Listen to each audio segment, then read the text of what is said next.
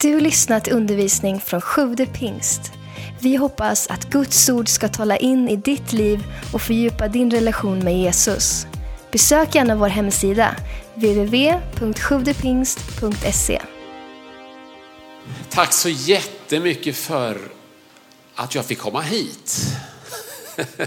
och ja, vilka fantastiska presentationer du gör där. jag skulle ju kunna lägga till en sak faktiskt. Jag är ju gift också. Ja, min fru heter Melissa och vi har tre barn. Nat- En hund har jag också, ab- absolut. Eh, hunden, förlåt? Barn. Ja, barn och hund, ja precis. Ja. Och vi har en hamster också. Som heter Åke. Ja. Eh, vårt äldsta barn då, Nathanael, han bor i Norrtälje nu för tiden. Men eh, de två yngsta och hunden bor kvar. Eh, Ni kan be lite extra för hunden för eh, hon har blivit flygrädd på äldre dagar. Inte att flyga alltså, men när de flyger över sådär. Så, ja, precis. Inte så, inte, att, inte så att hon är rädd för att... Nej, nej. Men...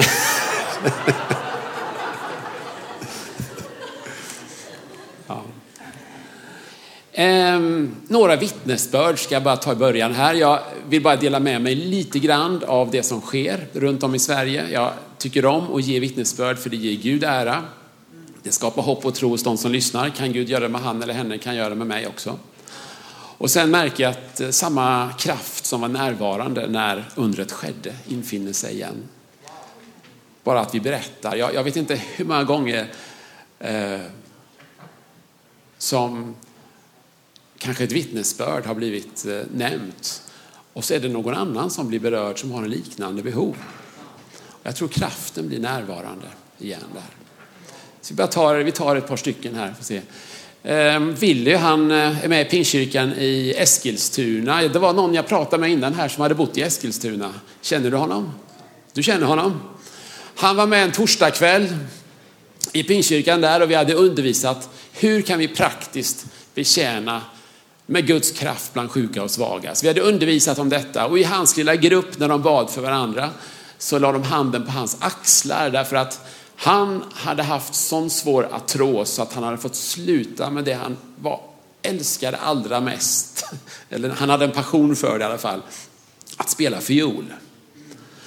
Och han hade under ett par års tid utvecklat en alternativ spelteknik för att kunna fortsätta. Men de sista två åren hade han fått lägga ner fiolen.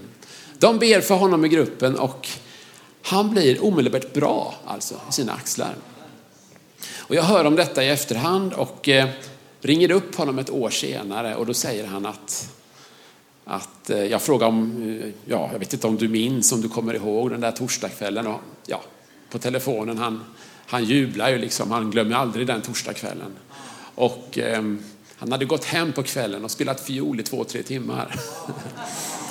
Och eh, när jag pratade med honom på telefon, så han, igår så spelade jag två och en halv timme med Eskilstuna symfoniorkester, sa han.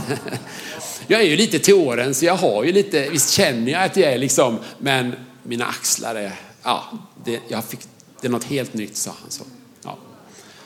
Eh, det är vad som kan hända när vanliga kristna tar steg och börjar liksom eh, praktisera undervisningen utifrån Guds ord. Vi tar nästa bild har vi här. Eh, I Lindesberg så var den här kvinnan pastorsfru för några år sedan, det var 2011. Och eh,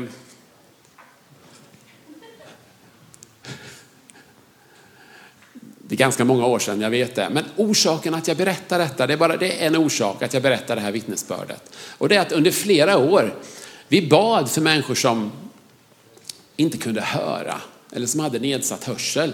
Men vi fick inget riktigt genombrott på det området. Ja, men det hände, hände i andra länder, men det blev liksom inte. Ja. Och det kan vara så ibland att du ser mycket helande kanske. Vi såg mycket helande med artros och reumatism och andra sjukdomar, men vi, vi kom inte igenom här riktigt. Jag hade ett vittnesbörd faktiskt från några år tidigare, en kvinna som, som kunde höra lite grann. Va? Och jag tackar Gud för det. Från ingenting till lite grann, man, får ändå tacka Gud för allt. Men, men, men den här pingsthelgen så går hon fram och vittnar att hon hade nedsatt hörsel då. Och nu kunde hon höra helt bra. Och vi blev ju jätteglada. Och eh, så berättar hon då att eh, hon fick förbön för detta men plötsligt började hon se dåligt. Och då plockade hon ut kontaktlinserna och då kunde hon se bra också. Fast hon inte ens fick förbön för det. Ja. Men efter den eh, helgen, efter den söndagen så på plats efter plats efter plats efter plats så får människor hörseln tillbaka i Sverige. och eh, från nedsatt hörsel, tinnitus, olika, alltså, men på något sätt så, jag behövde inte berätta, eh, knappt berätta något vitt, eh, det bara hände. Så vi kan, jag vill, jag vill säga det därför att det, det lönar sig att hålla ut. Och du kan tränga in på nya områden. Och jag tror att det vi har varit med om i Sverige de sista åren, det, det är verkligen bara en början. Vi sträcker oss, vi är hungriga, vi sträcker oss efter ännu större mirakler, ännu mer. Ändå är det mycket som händer i vårt land. Och under en tvåårsperiod mellan 2011 och 2013 så skulle jag, ja, jag hamnade i en samling inför ett grupp, en grupp ledare för New Wine och de bad mig om jag bara kunde göra en liten redogörelse för resorna under den tvåårsperioden. Och eh, då gick jag faktiskt tillbaka och tittade på de platser mellan 2011 och 2013 som hade, där någon hade kommit fram efteråt och sagt att deras hörsel blivit bra. Och jag blev liksom så här alltså, du kan ta nästa bild. Det var på de här platserna. Och när, när jag såg det, då kände jag att det är någonting som bryter igenom i Sverige. Gud gör någonting i Sverige. Senare har jag gjort några resor till bland annat Irland och jag har suttit där ibland och pratat med präster och pastorer och de har sagt vad underbart att du berättar om vad som händer i Sverige, säger de. Underbart, jag önskar att det kunde hända här, säger de. Och då tänker jag så här, det är precis så svenskarna säger också. så någonstans så känner jag kanske en, en del av mitt uppdrag, det är bara att på något sätt vifta med vimpen lite här och säga att någonting är på gång i Sverige. Gud gör någonting i vårt land. Jag håller på att bryta igenom någonting. Ta nästa bild. Kvinnan där i vit kofta uppe i Härnösand. Ni som har varit i Härnösand och vet var det ligger vet att pricken är lite fel satt på kartan. Ni får förlåta mig. Jag skulle visa det här i, i England på en grej och då så då var det inte så noga var prickarna satt. Jag tänkte, men det var bra med en karta. Det ser ju bra ut med en karta i alla fall, tänkte jag. Men, ja, jag hade lite bråttom, men hur som helst.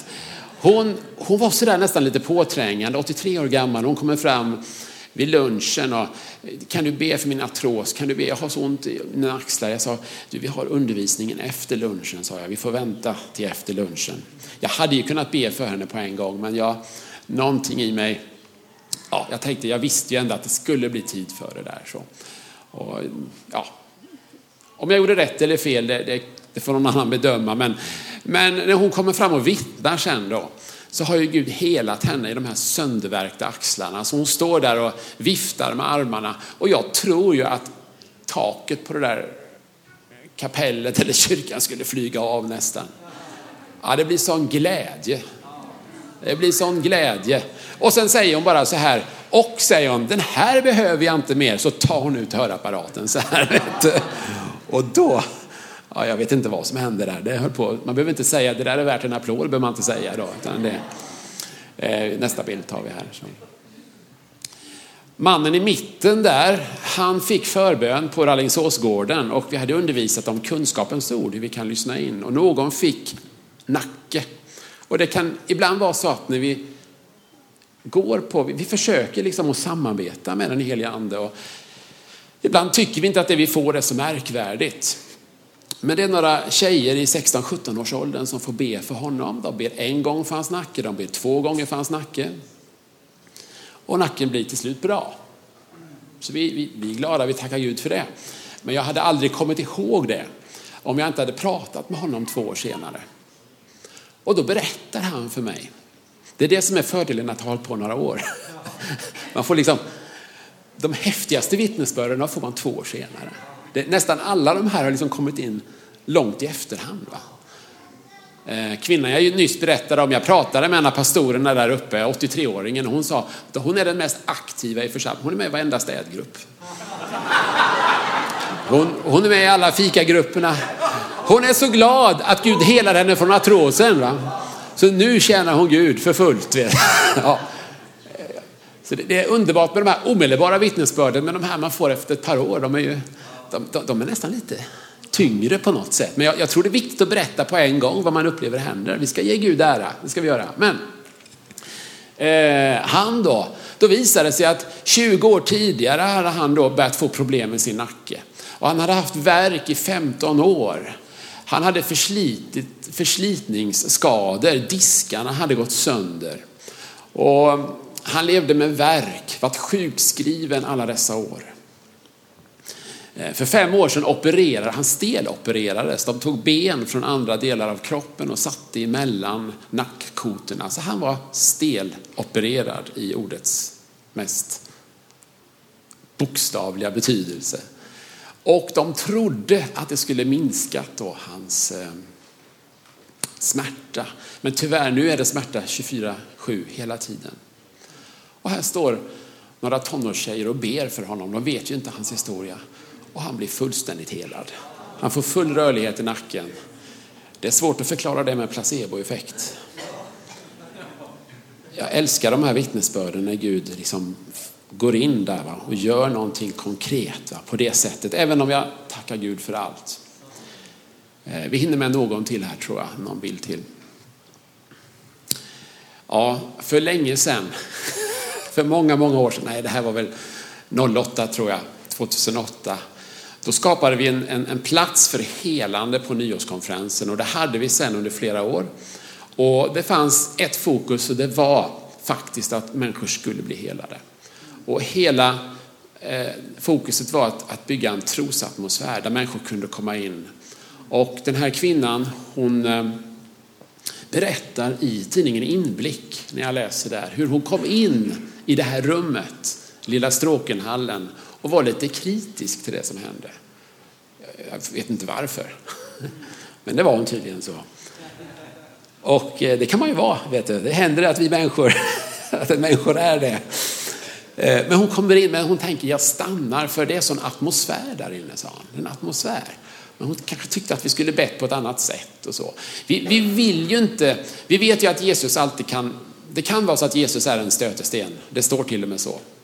Vi kan läsa om det i Guds ord, men jag försöker be att inte jag ska vara en stötesten. Att jag liksom ska stå i vägen för Jesus. Men, men ibland så hur man än försöker så, så blir det saker och ting som kan låsa sig. Och för henne var det någonting. Men, men så sa hon, jag kände atmosfären, säger hon där. Och så stannar hon. Och då hade hon fått reda på att hon hade en svår eh, typ av eh, ja, eh, hudcancer. Hon skulle bara tre dagar senare läggas in på Hudiksvalls sjukhus och opereras. Och skulle vara ganska bunden till sjukhuset hela sommaren. Därför att eh, de skulle flytta hud från olika delar av kroppen och så. Men hon hade frågat, får jag åka på en konferens? Hon åkte till Nyhem, hon gick till det här rummet och eh, hon går fram och så ber hon förebedjaren att kan ni be för min tå? Därför att han hade skadat tån på något sätt. Det var hennes sätt att ta första steget. De bad för hennes tå och den blev bra. Sen hade hon svår eksem på kroppen. Och eh, eksemen gjorde så att det var sprickbildningar i huden på stora delar av kroppen och den skulle också försvåra operationen avsevärt. De ber för hennes eksem och hon ser inte någon stor förändring men hon ser en liten förändring.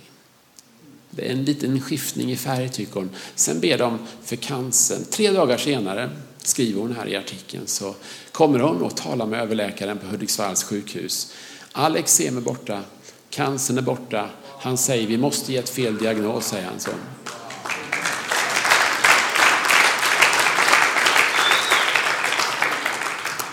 Så det, det, finns någonting här med atmosfären och vi ska titta lite på det. För jag vill inte bara slänga mig med ett ord, ett uttryck så här. Eh, utan vi, vi ska ändå gå till ordet och vi ska se vad säger Bibeln om detta. Och Jesus är ju vårt främsta exempel på hur vi kan leva. Han visar oss hur en människa i rätt relation till den heliga ande kan leva. Han är vårt exempel. Ja, men han var ju Gud kanske du säger. Ja, det var han. Han var 100% Gud. Men han var också 100% människa. Och han valde att leva och verka utifrån ett beroende förhållande till den heliga ande. Så därför är han ett exempel för oss. Men för att ingen här ska vara orolig nu och tänka att jag drar ner Jesus på, på något sätt för mänsklig nivå då, så ska jag bara snabbt säga att jag kan ganska snabbt åtminstone nämna fem områden där, där Jesus skiljer sig åt från oss. Från mig kan jag säga. Och det, det ena är att han var alltid fylld av medlidande, står det. Och där kommer jag till korta. Han var alltid fylld av tro. Hela tiden. Och där kommer jag till korta också, tyvärr. Han levde alltid medveten om gemenskapen med Fadern. Han kommunicerade hela tiden med Fadern. Han, han lyssnade in. Jag gör bara det jag ser min fader göra, står det i Johannes 5 och 19. Och där missar jag också. Jag, ser jag på mitt lilla liv så ser jag att de gånger jag har lyckats lyssna in Gud, lyckats uppfatta vad det är han säger och göra det, då blir det välsignelse. De största genombrotten har inte skett för att jag var så väldigt smart eller strategisk i mitt tänkande själv, utan det har varit att jag på något sätt har snubblat in i, liksom lyckats uppfatta, här manar Gud mig att göra mig till någonting och så uppfatta det och gå på det. Det blir välsignat så.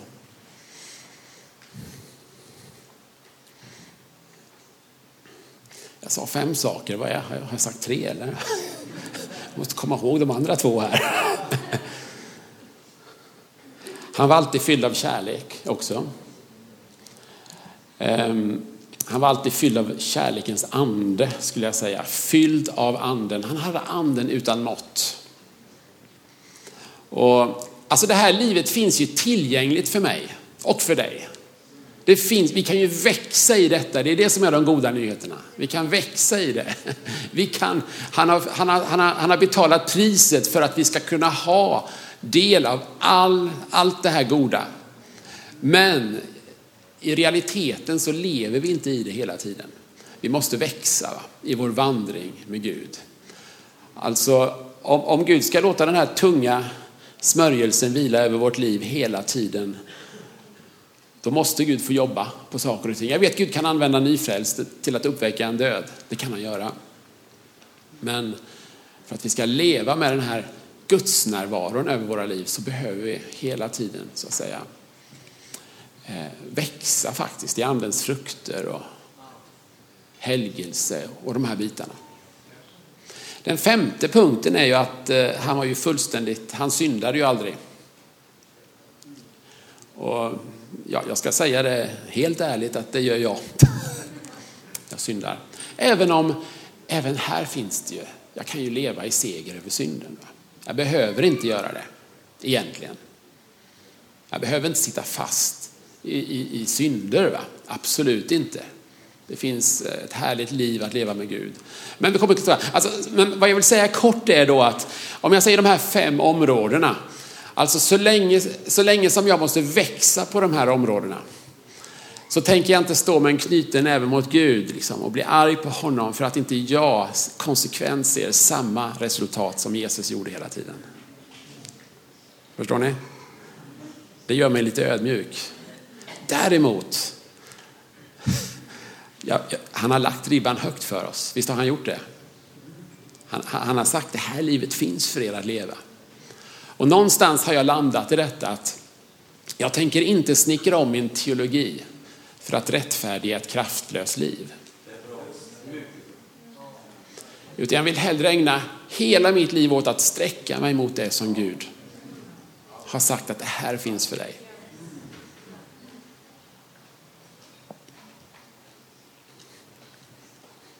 Men vi ska titta här på ehm, några tillfällen bara här i Jesu liv då och se om trosatmosfären hade betydelse för Jesus. Vi tittar på Markus kapitel 2.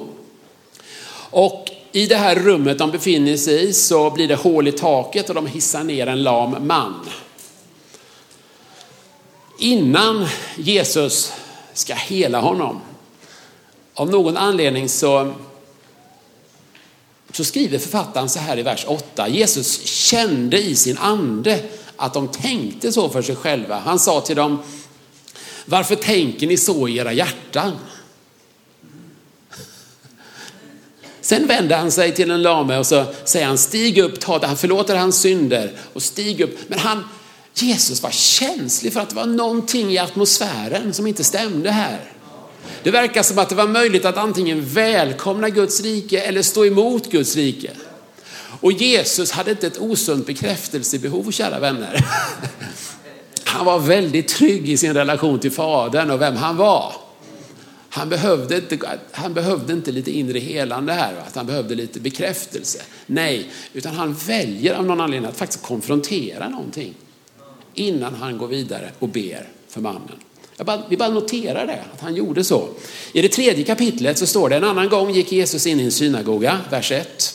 Och där fanns en man som hade en förtvinad hand. Och då står det om de som stod runt omkring, spänt iakttog de Jesus. Och det var inte för att de var så, wow, vad ska Jesus göra nu?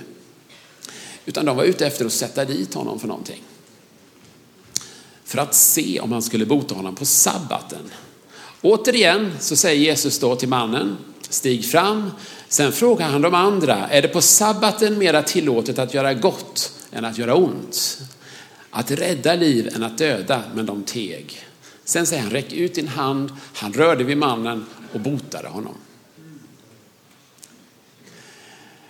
Jag var i Örnsköldsvik för många år sedan och 2009, jag har varit där flera gånger sedan dess. Jag har många härliga minnen från Örnsköldsvik faktiskt. Riktigt härliga minnen. Men det här var första gången och när jag skulle ta, hoppa på en buss som skulle ta mig till tåg. Jag tror aldrig jag åker tåg till Örnsköldsvik igen, det kan jag säga. Det har jag inte, jag har inte gjort sedan dess. Jag, jag, kan inte sova på tåg på natten alltså. Man, man är ju helt slut när man kommer hem. Då, vet Hur som helst, det var en parentes. Men när jag ska gå på så är det en av prästerna säger till mig så här. Du John, sa han. Du vet att när du undervisar så har du tre typer av människor som lyssnar på dig. Han sa det finns bedjare, betraktare och bedömare, sa han. Tacka Gud för bedjarna, de är med och skjuter på, sa han. Och betraktarna, det är helt okej, okay. låt dem sitta och titta. Jag menar, de bromsar inte, men de kollar in lite grann. Men bedömarna, sa han, de är lite besvärliga, sa han. De får du se upp med. För de är ute efter att hitta någonting som är fel. Och jag undrar vad han hade hört för någonting. Men jag tror Jesus hade en del bedömare att hantera här. Men han, han, han ville bana väg på något sätt i trosatmosfären. I det femte kapitlet så läser vi i vers 22 om en synagogsföreståndare som heter Jairus. Han kommer dit, faller ner för Jesus och det värsta jag kan tänka mig liksom, kan hända egentligen, alltså, det är att man som förälder, att det händer någonting med våra barn. Att våra barn inte mår bra och hans dotter håller på att dö. Och han kommer till Jesus, han, han, han lägger prestigen åt sidan, han tränger sig fram, han, han är hungrig, han är längtande, han är desperat. Kanske som någon är här idag. Du är hungrig, du är desperat. Han tränger sig fram till Jesus och Jesus säger att jag ska gå med dig hem. Men så händer det som, som inte fick hända från Jairus perspektiv och det är att Jesus fick förhinder på vägen. Det var något som stoppade honom där. Vi går inte in på det. Det var ju någonting gott och fint det också som hände. Men eh, till slut så kommer tjänarna fram och säger att stör inte mästaren mera. Din dotter är död. Och eh, går vi till verserna 36, 37 där så 36 så det är bara intressant att se hur Jesus hanterar den här situationen. Jag vill inte säga detta nu på ett eh, mekaniskt sätt, något känslokallt sätt, men den här mannen, Jesus då, som vi vet var fylld av medlidande och kärlek, heligande, tro. På något sätt så är han mån om hur Jairus ska gensvara på den här nyheten som kommer. Det var viktigt för Jesus. Och det, verkar för det första som att Jesus han, han ignorerar nyheten här. Han ignorerar rapporten, eller det är som att han fäster inte den så stor uppmärksamhet. Nummer två, det verkar som utifrån den här relationen med fadern han hade då, att han, att han inte, han blir inte stressad. Han visste att liksom, Gud har även tiden i sin hand. Va?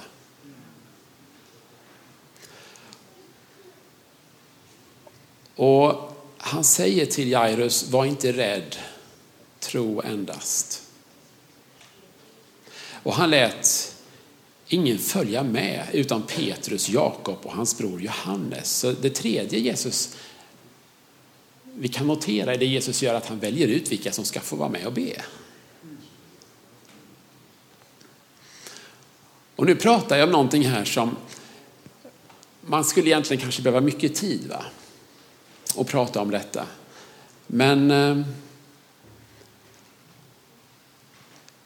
det är inte helt lätt alla gånger när människor har fått en allvarlig diagnos. När man har gått med en sjukdom kanske i många år. Det är inte helt lätt alla gånger att komma in i det där sjukhusrummet eller att be för personen om det är hemma. Och det kan ju vara sådana situationer att det finns less, av helt förklarliga skäl väldigt mycket ledsna människor. Och Jesus sätt att hantera det var ändå att han körde i princip ut allihopa. Föräldrarna fick vara med. Och de här tre lärjungarna som var med honom på förklaringsberget, de fick vara med också. Och så väcker han upp flickan ifrån de döda. Jesus, Guds son. Han, han är inte så demokratisk just nu heller. Alltså. Ja, men alla måste ju få vara med här, liksom, du vet, som vill. Han, han, han, väljer faktiskt ut. Och jag, jag tror att det, han tänker på trosatmosfären och han vet att tro plus längtan är en, en bra ekvation.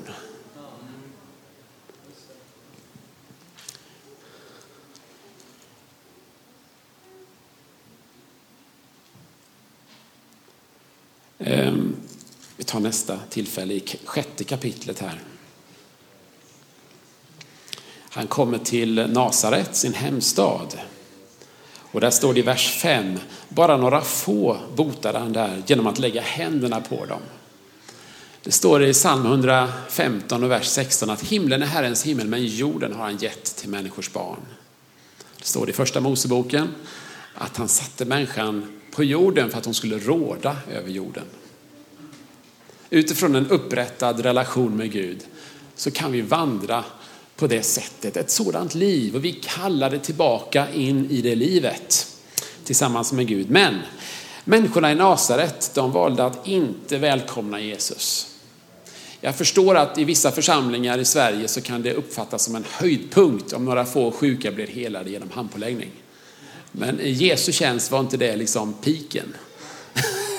Han var van vid andra saker. Han var van vid hur de pressade sig fram, hur de rörde vid hans kläder. Alltså, människor blev helade på många olika sätt, men det verkar som att det här med handpåläggning, det var, det var liksom lägsta nivån på något sätt. Att nu, nu måste jag lägga händerna på här också för att de ska bli helade. Eh, jag förminskar inte handpåläggning. Vi undervisar om att lägga händerna på de sjuka. Vi ska göra det. Amen. Men, men jag försöker också lyfta eran ehm, eh, blick lite grann här idag. Att det finns något annat att sträcka sig mot också. Att man kan komma in i en lokal och någon blir helad. Eh, kan vi hitta en bild där uppe? Och det är en tidningsartikel, en man som står utanför arenan i Vänersborg. Kan du lägga upp den bilden? Den här mannen kommer in för några år sedan på ehm, en helig andekväll som vi har i vår församling och vi har dem en gång i månaden då vi ber för människor. Och han hade fallit ner för en byggnadsställning och brutit tre revben och fått operera in en protes i, i armen. Så han var lite, han hade gips och grejer och, och han hade mycket verk när han kom den kvällen. Han hade åkt från Grästorp 20 minuter. Nu bor han någonstans på östkusten. Jag vet inte var han har tagit vägen riktigt. Eh, men jag läser i den här artikeln och han berättar för oss att bara det att han kom in genom dörren på kyrkan han gick från ytterdörren och in på mattan där som är precis innanför dörren i foajén. så känner han att Gud helar honom. Smärtan försvinner i, i revbenen och i armen. Och han säger detta att han säger det till mig personligen och han säger det också till journalisten här att när han kommer tillbaka till läkaren och de öppnar upp då, då säger han alltså att då är det ben där istället. Det skulle vara en permanent protes där. Men det är ben istället. Däremot låg protesen bredvid. Sen kunde de bara ta bort så här. Alltså, jag säger bara så här att har du inget annat att göra? Om du står här i församlingen, du har ingenting att göra, jag har ingenting att göra. Börja be för atmosfären. Alltså. Börja be att människor ska bli helade bara de kommer in. Börja be, alltså ta, börja lyfta upp detta. Och, och, och, jag säger inte att ni på en gång kommer gå från till hundraprocentigt på det här området, men börja bara lyfta blicken och be. Att den här platsen, jag säger absolut inte att det inte är en bra atmosfär på den här platsen. Jag, jag, jag, jag njuter av atmosfären på den här platsen. Men det finns mer att få. Det finns mer, det finns mer att sträcka sig efter. Så sträck er efter det, be om detta. När jag var 16 år så skulle min farfar, vi skulle åka upp och ta, säga adjö alla släktingarna därför att han, han låg för döden alltså. Och eh, det är ett sånt där minne jag har att jag sa, kan jag inte få be för honom själv? Eller säga adjö själv, sa jag. Och jag vet inte var jag fick det ifrån alltså, men alla gick ut. Och jag böjde knä vid sängen och så bad jag att Gud skulle hela honom. Och vi åkte därifrån och hör några dagar senare att, att han var frisk igen alltså. Han var uppe. Sen, ja. Men på något sätt, jag kände att jag måste vara själv. Jag kan inte stå där med alla andra i det läget. Alltså. Jag måste vara själv med honom. Och eh, utan att ha tagit del av den här undervisningen, så på något sätt så, eh, ja, hade i alla fall, det var någonting där som man bara gjorde rätt. Va? Och eh, sen dog han fyra år senare. Då var jag ute med ungdom uppgift i något annat land någonstans. Och då hörde jag att han hade dött. Och, och då tänkte jag det helt okej okay för mig. Jag kände frid över det. Hemma hos Jesus. Eh, ett sammanhang till ska vi titta på och det är i eh, det åttonde kapitlet. Och nu har jag inte förberett någon här. Eh, du som sitter här, skulle du vilja hjälpa mig med en sak här? Vill du komma fram här? Vad heter du för någonting? Hej Johan. Jag tänkte jag ska, vara väldigt, jag ska försöka vara pedagogisk här nu. Så vi ställer oss här borta. Och jag ska gå fort fram här nu. För vi, det står här i den 22 versen att de är i Betsaida. Och så står det att de för en blind man till Jesus och bad honom röra vid mannen. Och nu låtsas vi att du är den blinde mannen och jag är Jesus. Då tog han den blinde handen vid handen och så led han honom ut ur Betsaida.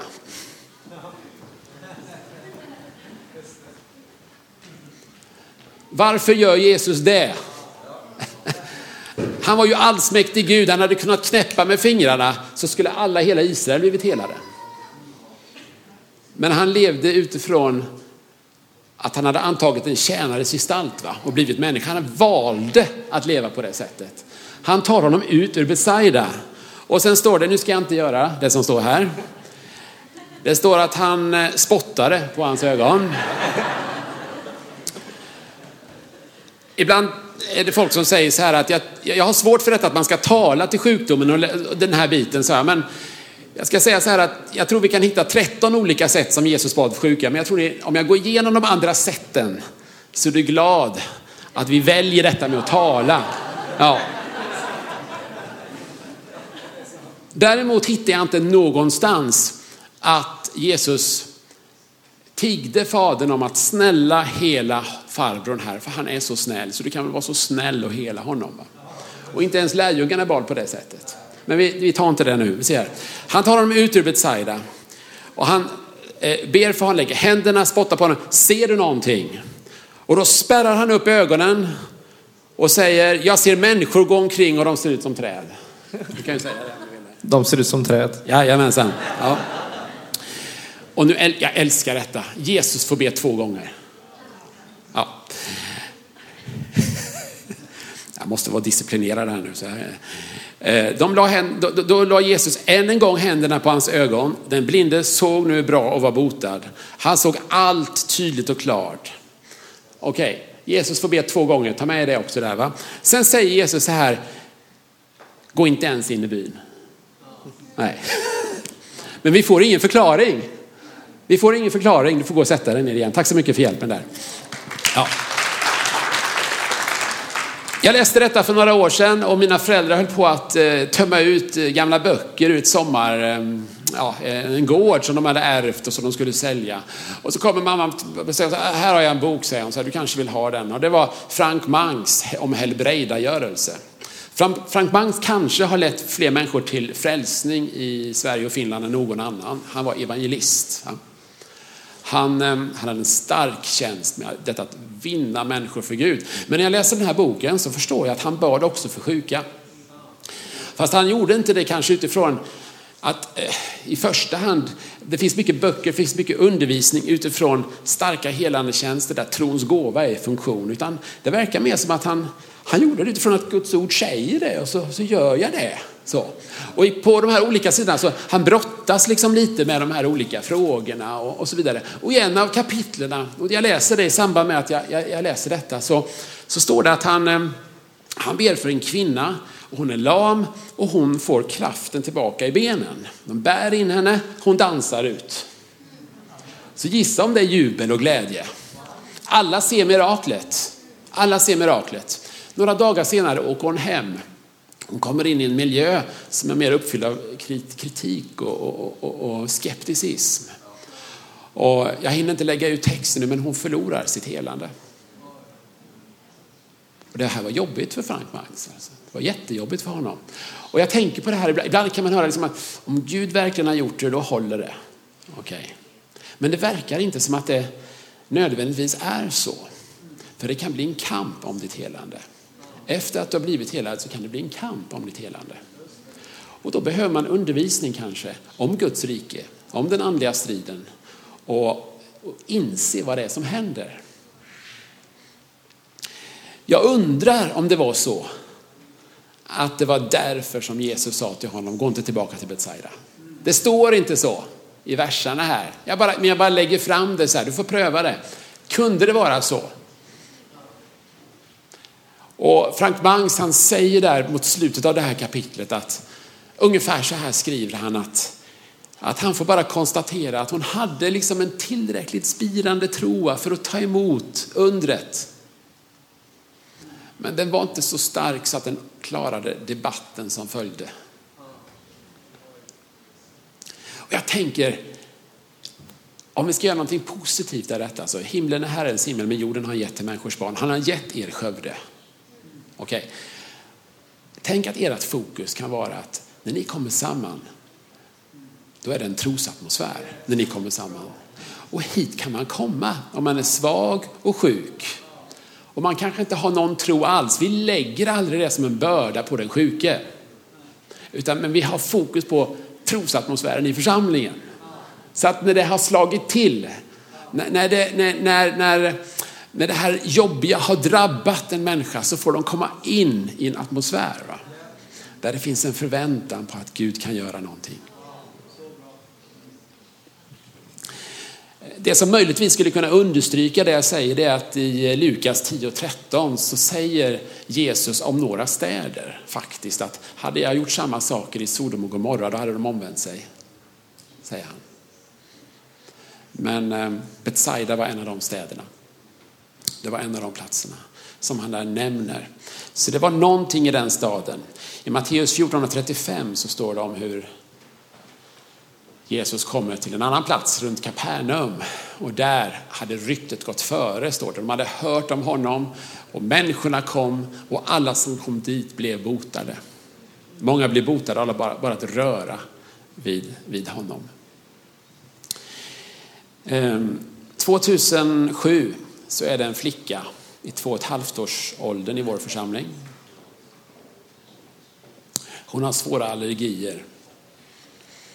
Vaknar många gånger på nätterna, vrider sig i smärtor, ont i magen. Och ett, en söndagsgudstjänst så ber föräldrarna, kan vi be för henne igen? De gick på knäna, de bar fram henne i mittgången och eh, vi har inte gjort en, en metod av detta som jag nu beskriver, men utifrån någon slags desperation där, jag tog fram fem, fyra, fem personer som, som jag visste hade ett böneliv, som jag visste eh, ja, bar på någonting i sitt liv. Och så säger jag till hela församlingen, kan vi inte bara be att Guds helande närvaro infinner sig här just nu innan vi ber? Vi vänder oss till Gud och ber att hans helande kraft finns där. Jag hade hört från en av mina lärare på bibelskolan, pastorsutbildning jag gick för många år sedan, att, att eh, Catherine Kuhlman, som Gud använde på ett mäktigt sätt, att hon ägnade ungefär tre timmar före varje gudstjänst åt att bönfalla Gud om hans närvaro, hans helande närvaro. Jag går inte ut på den scenen utan dig. Jag, vill inte, jag behöver din helande närvaro. Ni vet, det är en sak vad vi gör när vi står där och det är skarpt läge. Men det är en annan sak hur vi ber i vår kammare. Och i sin kammare så, Gud jag vill ha din närvaro. Jag behöver din helande närvaro. Så jag sa, kan, kan vi bara be några minuter? Jag sa, om Catherine Coman behövde det, då behöver vi det också. Så jag, ja, nu gör vi, jag gör vad som helst för att hon ska bli helad här nu. Ja. Och vi hade inte sett knappt några helanden, alltså någon här och där, och tack Gud för det. Vi ber för henne, de bär fram flickan och allt jag minns är att det var fridfullt, ingenting annat. Så får vi höra några veckor senare att hon har liksom stoppat i sig saker hon inte skulle äta. Och de hade, det hade gått alldeles utmärkt. Och hon har även varit hos läkare och så vidare och blivit fullständigt friskförklarad. Och då hade jag precis läst en bok på våren där som på den tiden inte fanns på svenska, den fanns på engelska, When Heaven Invades the Earth. Och där står det, Bill Johnson skriver där att om det sker någonting i din församling, om det så bara är en liten sak, vittna om det. Berätta om det.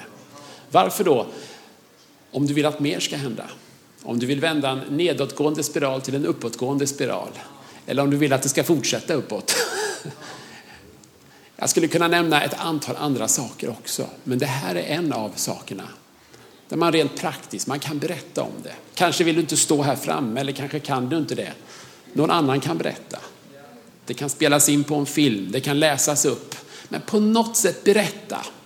För det händer någonting när vi berättar. Så jag frågade föräldrarna, får jag berätta om detta hur mycket du vill, sa de. Och jag berättade samma vittnesbörd i fyra, fem söndagar efteråt. Och det var nästan så församlingen undrade lite, liksom, vad, berättar du det igen nu? Men jag sa så här att jag vill att det här ska vara en plats där det ska ske under. Att det ska vara naturligt, det övernaturliga ska vara naturligt. Och vi började se fler och fler saker hända. Och jag hade redan, vet ni, du vet, inprickat olika platser jag skulle besöka. Och, och jag märkte att omedelbart det som hände hemma började hända på andra platser också. Då. Förringa inte det, det kanske det lilla eller det som sker här i Skövde. Det kan bli en jordbävning för Sverige. Du tar det med någon annanstans. Jag förstår att det var en person som kom från Azusa Street och kom till Skövde för några år sedan. Drygt hundra år sedan. Och lite till. Man kan få med sig någonting och det kan komma något från den här platsen som går vidare ut. Tack för att du lyssnat. Glöm inte att du alltid är välkommen till vår kyrka. Du hittar mer info på www.sjuvdepingst.se